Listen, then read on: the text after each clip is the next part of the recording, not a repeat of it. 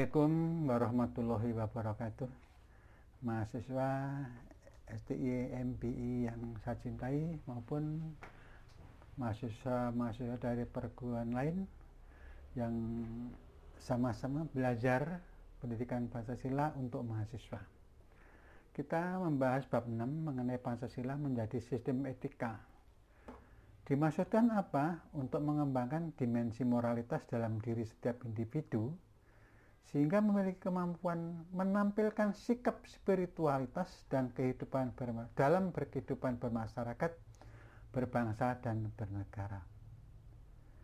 Mahasiswa adalah kaum intelek yang dituntut harus bersendikan Pancasila, mengembangkan ilmu pengetahuan dan teknologi dengan sikap jujur, disiplin, bertanggung jawab, empati, santun, ramah, gotong royong, cinta damai, responsif dan proaktif, berkontribusi aktif dalam kehidupannya.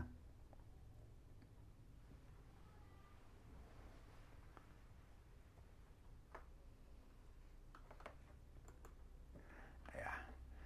Pancasila sebagai sistem etika. Secara etimologis, etika adalah ilmu tentang segala sesuatu yang biasa dilakukan atau ilmu tentang adat kebiasaan tentunya hanya yang serba baik. Etika itu namanya. Atau ilmu yang membahas tentang kriteria baik dan buruk. Keseluruhan perilaku manusia dengan norma dan prinsip-prinsip yang mengaturnya. Itu sering kali disebut moralitas atau etika Bicara etika tidak lepas dari kata nilai, yaitu menurut Frondaisi, nilai merupakan kualitas yang tidak real.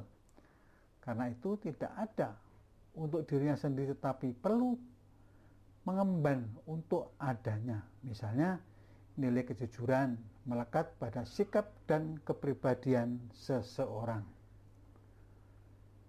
Lise menjelaskan paling tidak ada enam pengertian nilai dalam penggunaan secara umum. Yang pertama, suatu yang fundamental yang dicari orang sepanjang hidupnya. Yang kedua, suatu kualitas atau tindakan yang berharga, kebaikan, makna atau pemenuhan karakter untuk kehidupan seseorang. Yang ketiga, suatu kualitas atau tindakan sebagian membentuk identitas seseorang sebagai evaluasi diri interpretasi, dan pembentukan diri. Yang keempat, suatu kriteria fundamental bagi seorang untuk memilih sesuatu yang baik di antara berbagai tindakan. Yang kelima, suatu standar yang fundamental yang dipegang seseorang ketika bertingkah laku bagi dirinya dan orang lain. Yang keenam, objek nilai suatu hubungan yang tepat dengan sesuatu yang sekaligus membentuk hidup yang beraga dengan identitas kepribadian seseorang, objek nilai termasuk karya seni, teori ilmiah, teknologi, objek yang disucikan, budaya, tradisi, lembaga, dan alam. Pengertian etika dan etiket Etika berasal dari kata etos, sama dengan mengacu ke moral. Sedangkan etiket dari kata etikuete, sama dengan sopan santun. Aliran etika. Aliran etika dan bidang filsafat. Etika keutamaan, teleologis, teleologis, deontologis Etika keutamaan atau kebajikan, teori yang mempelajari keutamaan. Artinya mempelajari perilaku manusia, baik atau buruk. Menekankan perhatiannya pada what should I be. Indikatornya, kesatria, belas kasih, jujur, bersahabat, murah hati, bernalar, percaya diri, menguasai diri, sadar, kerjasama, berani, santun, terampil, adil, setia, bersahaja, disiplin, mandiri, bijaksana, peduli, dan toleran. Etika teleologis dalam teori ini menyatakan bahwa tindakan dengan tujuan baik belum tentu dianggap baik, tetapi tolak ukurnya hasil akhir dari sebuah tindakan. Itu etika teleologis. Sedangkan etika deontologis berkaitan dengan moral yang diakui baik terlepas hasil akhir baik atau buruk. Fokusnya pada kebenaran moral, kelayakan, kepatutan, pertimbangan pada kewajiban moral lebih diutamakan. Sekarang membahas etika Pancasila. Adalah cabang filsafat yang dijabarkan dari sila-sila Pancasila untuk mengatur perilaku kehidupan bermasyarakat, berbangsa, dan bernegara. Di mana pun berada, baik di pusat maupun di daerah, sampai ke pelosok-pelosok tanah air Indonesia. Dalam Pancasila terkandung nilai-nilai ketuhanan, kemanusiaan, persatuan, kerakyatan, dan keadilan yang membentuk perilaku manusia Indonesia dalam seluruh aspek kehidupannya. Tidak pandang bulu siapa pun dia, baik pemimpin atau yang dipimpin, di tingkat apa pun. Sila ketuhanan yang Maha Esa mengandung dimensi moral berupa nilai spiritual yang mendekatkan diri manusia dengan penciptanya dengan mentaati ajaran agama yang dianutnya. Itu bertakwa, menjalankan perintahnya, dan menjauhi larangannya. Kalau sila kemanusiaan yang adil dan beradab mengandung dimensi humanis, artinya menjadikan manusia lebih manusiawi, meningkatkan kualitas kemanusiaan dalam pergaulannya. Jadi manusia harus diperlakukan manusiawi sila persatuan Indonesia, yaitu sila ketiga, mengandung dimensi nilai solidaritas, rasa kebersamaan, dan cinta tanah air. Sila kerakyatan, yang sila keempat, mengandung dimensi nilai berupa sikap menghargai orang lain, menjadi pendengar yang baik, tidak memaksakan kehendak. Yang sila kelima, sila keadilan mengandung dimensi nilai peduli akan nasib orang lain dan sanggup membantu kesulitan orang lain. Etika Pancasila itu lebih dekat pada etika keutamaan atau etika kebajikan. Etika keutamaan lebih dominan karena etika Pancasila tercermin dalam empat tabiah saleh, yaitu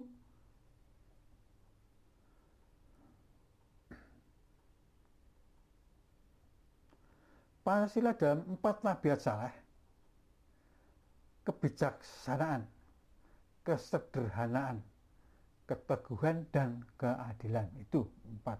Kebijaksanaan maksudnya melaksanakan tindakan didorong oleh kehendak yang tertuju pada kebaikan atas dasar kesatuan akal rasa kehendak berupa kepercayaan pada kenyataan mutlak Tuhan Yang Maha dengan memelihara nilai-nilai hidup kemanusiaan yang religius.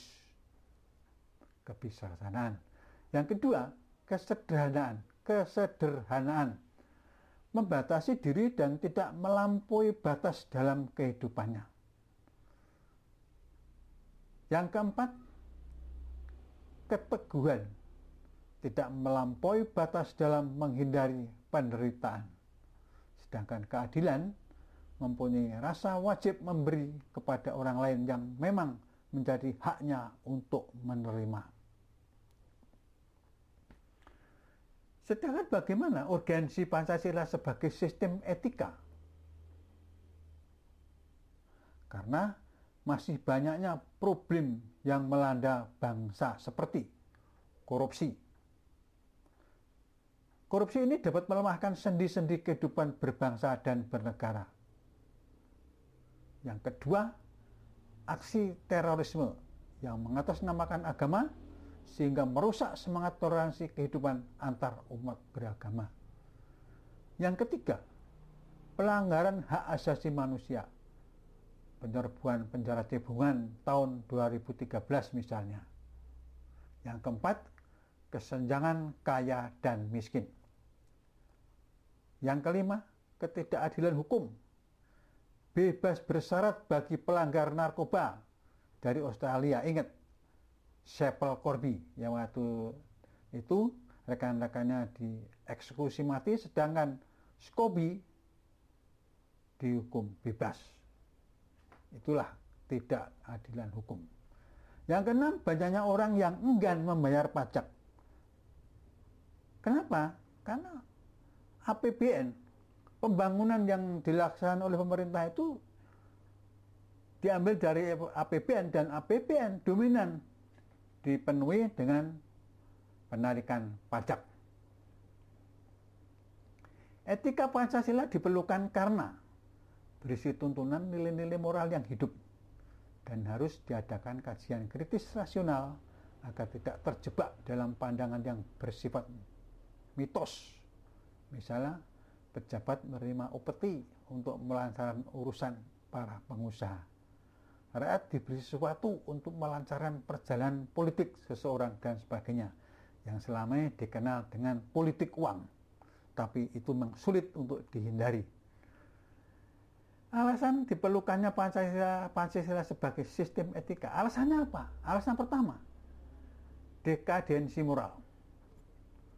Khususnya generasi muda yang tidak mendapatkan pendidikan karakter yang cukup.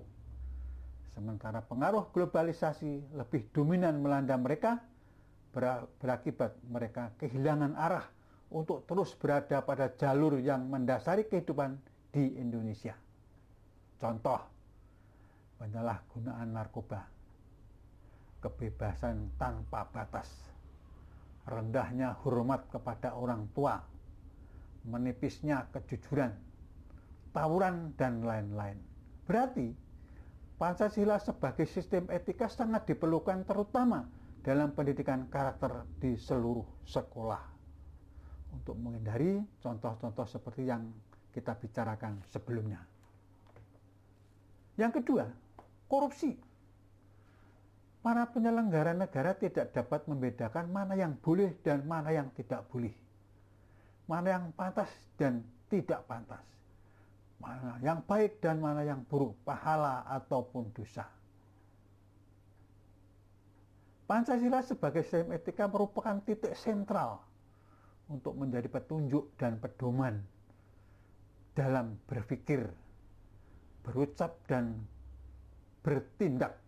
Tanpa itu, maka ketika seseorang menduduki jabatan akan tergoda oleh manisnya salah, manisnya keburukan, dan manisnya dosa.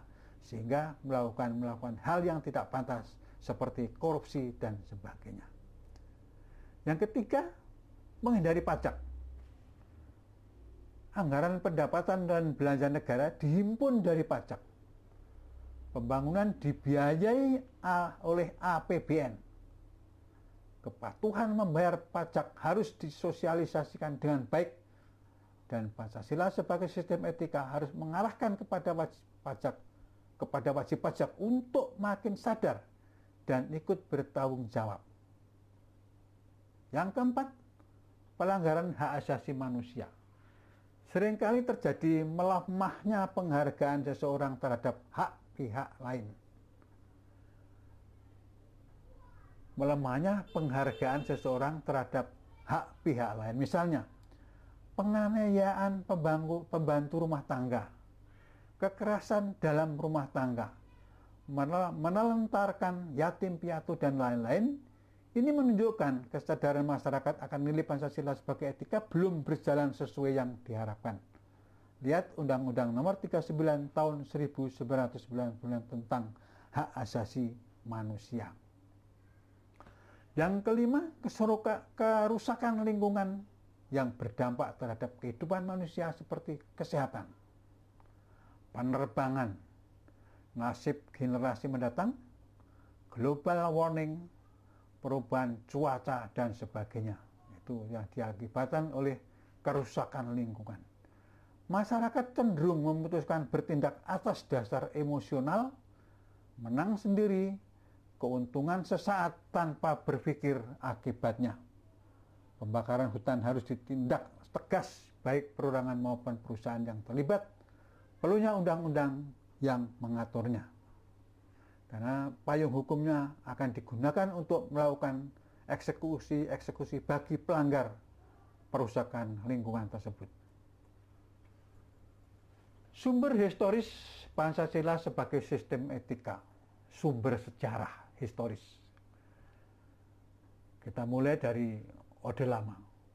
Pada Orde Lama Pancasila sebagai etika masih berbentuk filosofis Grundslag atau Weltanschauung. Nilai-nilai Pancasila belum ditegaskan ke dalam sistem etika, tetapi nilai-nilai moral sudah terdapat berupa pandangan hidup masyarakat. Masih abstrak, masyarakat telah mengenal kemandirian bangsa yang disebut sebagai berdikari. Ketika Soekarno berkuasa menjadi presiden pertama, memperkenalan istilah berdikari yang artinya berdiri di atas kaki sendiri, tidak tergantung bangsa lain.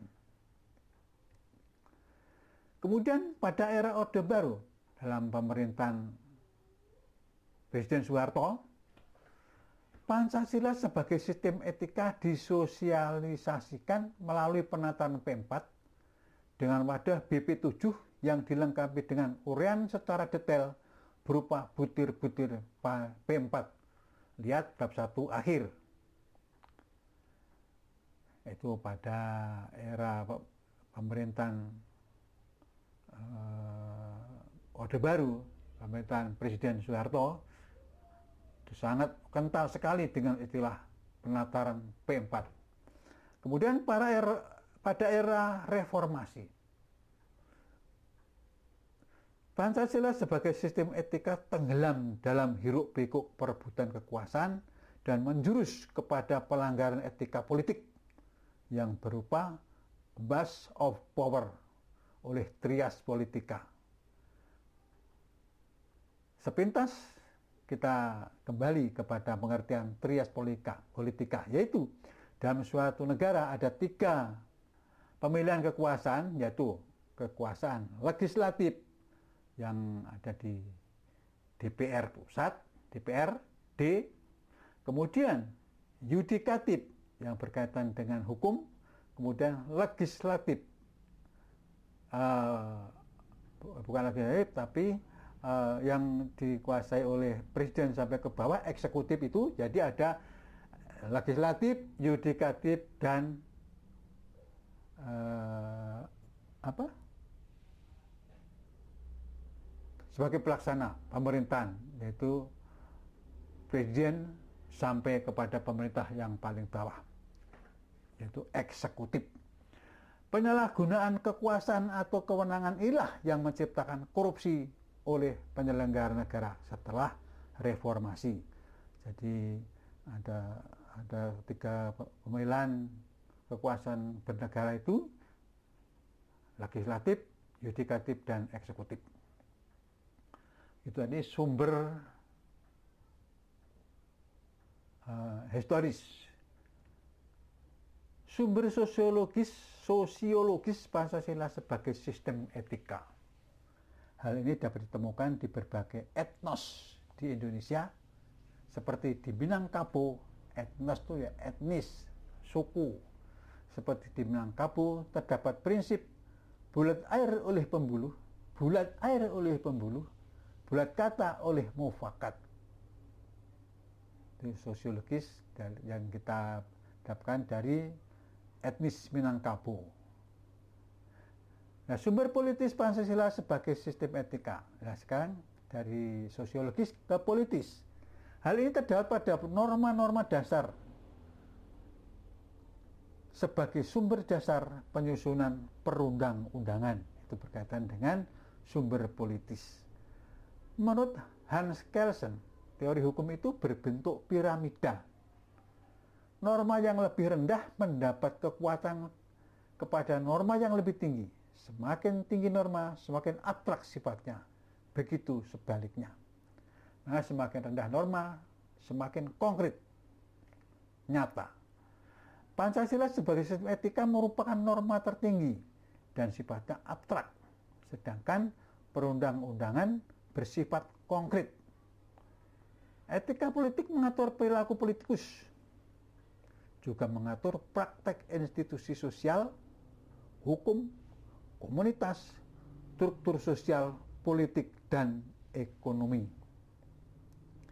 Etika politik memiliki tiga dimensi. Dimensi apa? Dimensi tujuan, dimensi sara, dan aksi politik. Yang dimensi tujuan dirumuskan dalam upaya mencapai kesejahteraan masyarakat dan hidup damai dengan kebebasan dan keadilan. Dimensi tujuan seperti yang tertuang dalam pembukaan Undang-Undang Dasar tahun 1945 di alinea keempat, yaitu memajukan kesejahteraan umum. Yang dimensi sarana memungkinkan pencapaian tujuan yang meliputi sistem dan prinsip dasar pengorganisasian dalam praktek penyelenggaraan negara yang mendasari institusi-institusi sosial. Yang dimensi alih aksi politik berkaitan dengan pelaku yang berperan menentukan rasionalitas politik. Rasionalitas politik terdiri atas rasionalitas, tindakan, dan keutamaan. Disebut rasionalitas bila pelaku mempunyai orientasi situasi dan paham permasalahannya.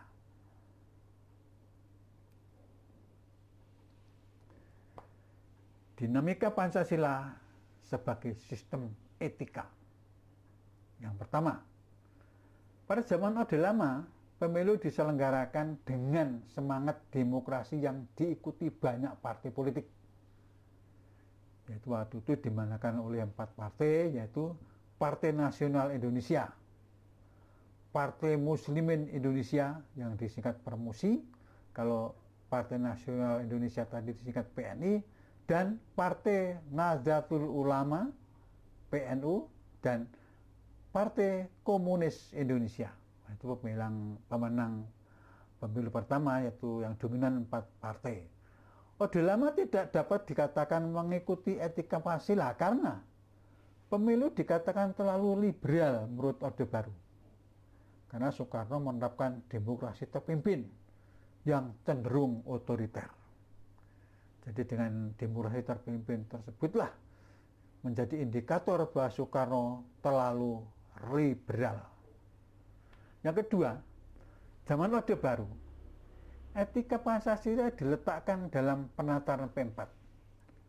Pada era tersebut muncul konsep manusia Indonesia seutuhnya yang berperilaku dan berakhlak mulia sesuai dengan nilai-nilai Pancasila. Manusia sebagai makhluk Tuhan bersifat monodualistik, yaitu makhluk rohani sekaligus makhluk jasmani. Makhluk individu sebagai makhluk sosial oleh karena itu harus dikembangkan secara selaras, serasi, dan seimbang. Itulah manusia Indonesia seutuhnya. Utuh berarti sehat jasmani dan rohani. Dan menguasai imtak dan iptek. Gampangnya. Yang ketiga sistem etika Pancasila pada era reformasi tenggelam dalam euforia demokrasi. Oh, euforia pesta demokrasi. Namun disadari bahwa demokrasi tanpa dilandasi sistem etika politik akan menjurus pada penyalahgunaan kekuasaan dan menghalalkan segala cara untuk mencapai tujuan. Pendapat Machiavellisme. Kemudian tantangan Pancasila sebagai sistem etika tidak mulus begitu saja Pancasila itu pasti ada tantangan-tantangan Pancasila untuk menjadi sistem etika. Yang pertama, pada Orde Lama, sikap otoriter dalam pemerintahan tercemin pada sistem demokrasi terpimpin. Hal tersebut tidak sesuai dengan sistem etika Pancasila yang menonjolkan musyawarah mufakat. Jadi kalau terpimpin berarti semua kehendak pemimpin.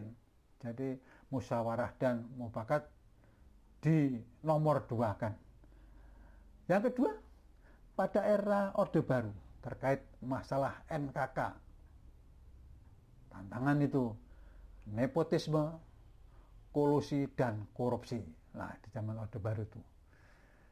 Hal tersebut tidak sesuai dengan keadaan sosial, keadilan sosial. Karena hanya menguntan sekelompok tertentu nepotisme kolusi tersebut. Hanya untuk kelompok-kelompok tertentu saja. Jadi kalau kita tinjau kembalikan kepada Pancasila, tidak sesuai. Tidak merupakan tantangan-tantangan terhadap Pancasila. Yang ketiga pada era reformasi, selalu pada tiga zaman Orde Lama, Orde Baru, dan era reformasi. Dalam era reformasi ini sistem etika Pancasila tenggelam pada euforia kebebasan berpolitik sehingga mengabaikan norma-norma moral munculnya anarkisme yang memaksakan kehendak mengatasnamakan kebebasan demokrasi. Dikatakanlah demokrasi yang kebablasan yang tidak ada Eh, rambu-rambu yang mengaturnya. Esensi Pancasila sebagai sistem etika terletak, terletak pada hal-hal apa? Esensi Pancasila sebagai etika itu terletak pada apa saja? Yang pertama, hakikat sila ketuhanan terletak pada keyakinan bangsa Indonesia bahwa Tuhan sebagai penjamin prinsip-prinsip moral. Setiap perilaku warga negara harus didasarkan atas nilai-nilai moral yang bersumber pada norma agama. Maka rakyat Indonesia harus beragama. Karena Pancasila adalah sila yang pertama, ketuhanan yang Maha Esa, yang mengikat bagi seluruh rakyat Indonesia, warga negara Indonesia harus mengakui adanya Tuhan yang Maha Esa. Otomatis melakukan ajaran-ajaran oleh agamanya masing-masing yang diakui di Indonesia. Esensi Pancasila sebagai etika yang kedua, hakikat sila kemanusiaan terletak pada hum humanus, faktor humanus yaitu tindakan manusia yang mengandung implikasi dan konsekuensi moral tindakan manusia yang mengandung implikasi moral diungkapkan dengan cara dan sikap yang adil dan beradab sehingga menjamin tata pergaulan antar manusia dan antar makhluk bersendikan nilai-nilai kemanusiaan yang tertinggi yaitu kebajikan dan kearifan. Itu yang sila kedua. Yang ketiga, hakikat sila persatuan terletak pada kesediaan untuk hidup bersama sebagai warga bangsa yang mementingkan kepentingan bangsa di samping kepentingan individu atau kelompok, sistem etika yang berlandaskan pada semangat kebersamaan, solidaritas sosial akan melahirkan kekuatan untuk menghadapi penetrasi nilai yang mengancam perpecahan. Esensi Pancasila sebagai sistem etik yang keempat, hakikat sila kerakyatan yang dipimpin oleh hikmah kebiasaan dalam pengurusan perwakilan terletak pada prinsip musyawarah untuk mufakat. Artinya, menghargai diri sendiri sama halnya menghargai orang lain. Sila yang kelima, hakikat sila keadilan sosial bagi seluruh rakyat Indonesia merupakan perwujudan dan sistem etika yang tidak menekankan pada kewajiban atau tujuan belaka, tetapi lebih menonjolkan keutamaan yang terkandung pada nilai keadilan.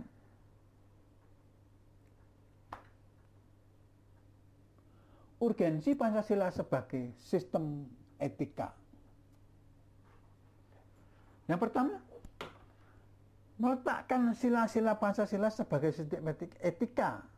Meletakkan sila-sila Pancasila sebagai sistem etika berarti menempatkan Pancasila sebagai sumber moral dan inspirasi bagi penentu sikap, penentu tindakan, dan keputusan yang diambil. Yang kedua, Pancasila sebagai sistem etika memberi guidance bagi setiap warga negara sehingga memiliki orientasi yang jelas dalam tata pergaulan baik lokal, nasional, regional maupun internasional. Yang ketiga, Pancasila sebagai sistem etika dapat menjadi dasar analisis berbagai kebijakan yang diambil oleh penyelenggara negara. Yang keempat dapat digunakan sebagai filter untuk menyaring pluralitas nilai yang berkembang sebagai dampak globalisasi.